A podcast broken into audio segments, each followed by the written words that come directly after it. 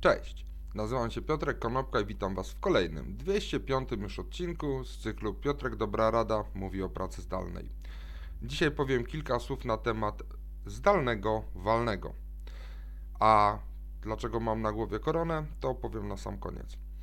Wczoraj miałem okazję uczestniczyć po raz pierwszy w walnym zgromadzeniu e, Stowarzyszenia ISEC Alumni Polska, którego jestem członkiem i to walne zebranie miało formułę zdalną. I to było dla mnie dosyć ciekawe doświadczenie, bo po raz pierwszy brałem udział w zdalnym walnym. Jak to wyglądało? Oczywiście lista obecności by odby odbywała się, czy sprawdzenie listy obecności odbywało się na bazie tego, kto zalogował się na podanego linka. E, link został wysłany tylko i wyłącznie do członków stowarzyszenia trakcie, y, czy na początku całego zebrania padła również informacja, że kilka osób, zgodnie ze statutem stowarzyszenia, udzieliło pełnomocnictwa innym członkom, którzy byli obecni y, na sali czy na Zoomie w tym wypadku.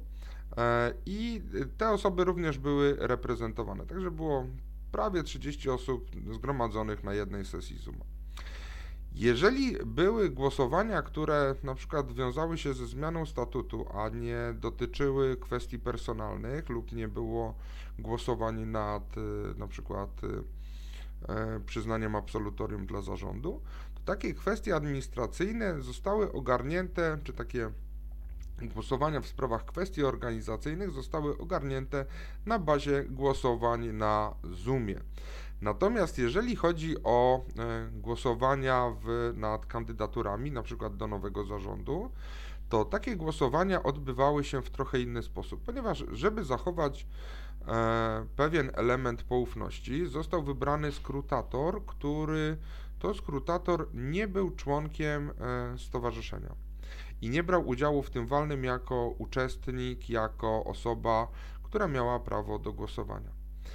Gdy były prezentowane wszystkie kandydatury i później przeszliśmy do głosowania, to takie y, głosowanie wyglądało następująco. Skrutator ze swojego adresu mailowego wysłał link do formularza na Google, do e, ankiety na Google i do wszystkich osób, które były obecne na Zoomie, na adresy mailowe, które zostały podane jako adresy kontaktowe dla e, stowarzyszenia. Każdy z nas otrzymał y, takiego, y, taki link do tej ankiety na Google'ach i mieliśmy możliwość zagłosowania za, przeciw bądź oddania głosu wstrzymującego się. I dostęp do tej ankiety miał tylko i wyłącznie skrutator, a nie nikt z e, osób, na przykład zainteresowanych czy z obecnych władz stowarzyszenia. Po chwili wszyscy oddali głosy i skrutator mógł ogłosić, wyniki, kto znalazł się w zarządzie, czy zostało udzielone absolutorium dla poprzedniego zarządu. I w ten sposób ta poufność głosowania również została zachowana, ponieważ w wyniki głosowania e, miał wgląd tylko i wyłącznie skrutator, nie będący członkiem stowarzyszenia. Ankieta na Google była anonimowa e, i y, była wysłana z adresu mailowego, do którego e, dostęp miał wyłącznie skrutator. Także można było zauważyć, że to głosowanie na e, zdalnym walnym, takie anonimowe, również może zostać zrealizowane. A dlaczego mam koronę na głowie? Bo zacząłem dwuletnią kadencję jako jeden z wiceprezesów tego stowarzyszenia. Dziękuję serdecznie, do usłyszenia i zobaczenia w poniedziałek. Na razie.